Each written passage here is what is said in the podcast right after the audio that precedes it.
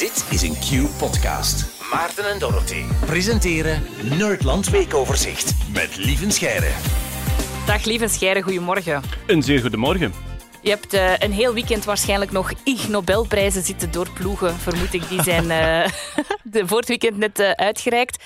Wie dat niet kent, hoe, hoe zeg je dan nu weer makkelijk Ig Nobelprijzen wat het is? Eh, de, de Ig Nobelprijzen het is een soort parodie op de Nobelprijzen. En het is voor onderzoek dat je eerst doet lachen en dan aan het denken zet. Dus vooral onderzoek met een soort onnozele titel of een soort heel gek onderwerp. Ja. Ja, en we weten dat je grote fan bent van die prijzen. Wat was jouw favoriet dit jaar? Goh, ik denk toch dat de biologieprijs eh, eh, de beste was dit jaar. En eh, dat was een onderzoek eh, om te bewijzen dat constipatie geen negatieve gevolgen heeft op het datinggedrag van schorpioenen.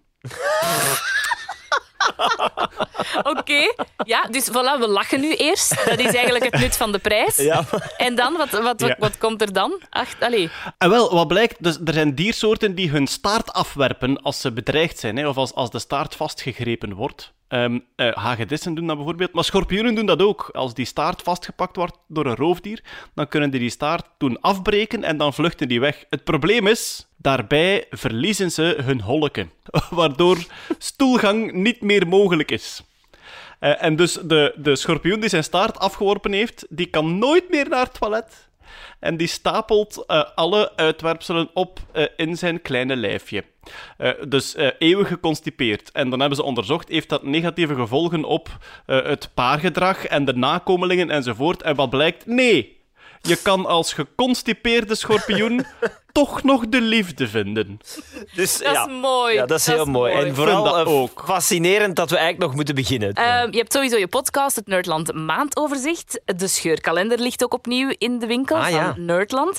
En eh, waar ga je het over hebben nu hier bij ons in het weekoverzicht? Eh, over iets serieuzer onderzoek, namelijk misschien gaan we in de toekomst in plaats van pleistertjes te plakken, wel gewoon 3D-geprinte huid op onze wonden kleven. Dat klinkt heel bizar, maar ook wel heel fascinerend. Het is een onderzoek van de Universiteit van Taiwan.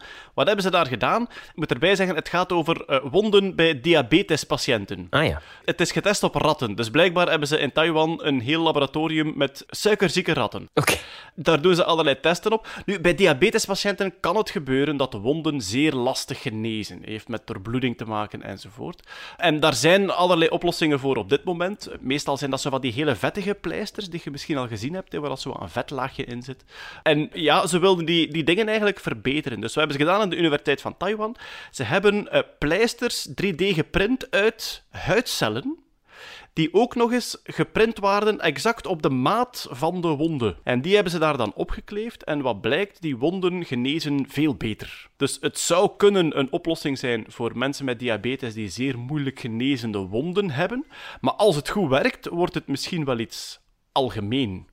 Nu, huidprinten is een beetje lastig. Ja, zo 3D-printers die printen dingetjes van, van plastic en dat gaat allemaal, gesmelt dat en dat, dat stolt terug samen. Ehm, huid en andere organen is veel moeilijker. Hè. Ze kunnen wel huidcellen doen vermenigvuldigen, maar dan krijg je een soort roze pap. En ja, Minder interessant. eh, wel, het is niet de bedoeling dat we gewoon roze pap in onze wonden smeren. Het moeilijke aan het printen van organen is dat ja, onze organen hebben een structuur, hè, die, die zitten vast aan elkaar.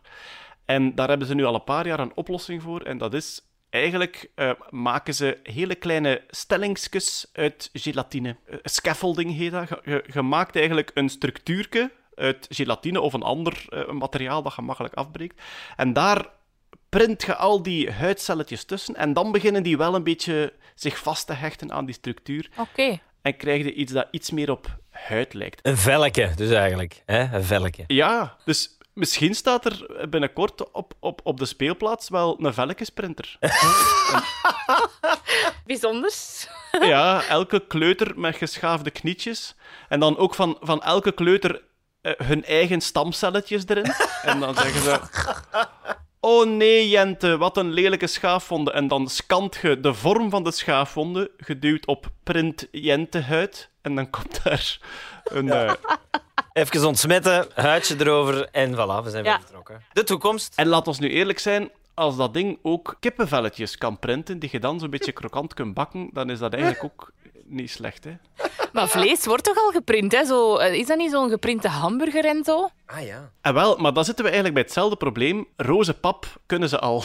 Dus een, een hamburger is zo wat ja, gehakt. Hè? Dus als je stamcellen uit een kip of uit een koe haalt, dan kunnen ze nu al vlees laten groeien. Hè? Je kunt echt al schaaltjes vol met roze pap laten groeien. En dus voor chicken nuggets gaat dat, want dat is een beetje papperig vlees. Hè. Er zijn nu al chicken nuggets gemaakt uit eh, stamcellen van, van kippen. Er staat een filmpje online van een barbecue waar ze chicken nuggets eten van een kip die aanwezig is bij de barbecue. Omdat die gewoon... Dat is cool. Ja, dus die zit er eigenlijk naast. Kijkt eigenlijk naar zichzelf. Ah, dat is een beetje... dat is een ja. heel Ja, rare een ervaring. raar. Hè? Dus Ja, je ja. ziet hoe ze opgegeten wordt, maar ze leeft eigenlijk nog. Ja, dat is raar. Ja, die zit naar zijn eigen stamcelletjes te kijken die gefrituurd opgegeten worden. Want ze kunnen dus, ik denk, twee kilo chicken nuggets maken gewoon uit de punt van een uitgevallen pluim. Hè, Dus dat, gewoon door daar verder mee te kweken. Het grote probleem is, een, een biefstuk dat gaat niet. Want een, een biefstuk dat heeft vezels gevormd en connecties en, en dat is door beweging tijdens het leven eigenlijk gevormd.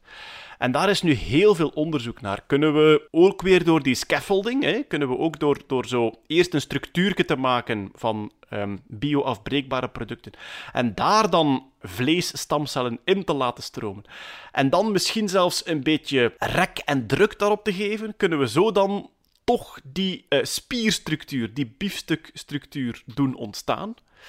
En hetzelfde wordt bekeken bij organen. Hè. Kunnen we misschien ooit een nier laten groeien in het laboratorium? Een lever is waarschijnlijk het gemakkelijkst, omdat die het, het gemakkelijkst zichzelf vormt. Een, een lever kan ook terug aangroeien. Een stuk lever kan, kan zichzelf terug aangroeien. En dus een lever zal misschien het eerste zijn dat ze kunnen printen in het labo. En wie weet ooit een nier. En als het echt spectaculair goed wordt, misschien zelfs een hart. Het is een boeiende wereld waarin we leven, lieve Scheire. Dank je wel om daar steeds een stukje van te tonen aan ons. En maak er nog een fantastische ochtend van. Jop, met plezier. Dit was een podcast van Q-Music. Wil je meer? Wil je meer? Kijk op qmusic.be.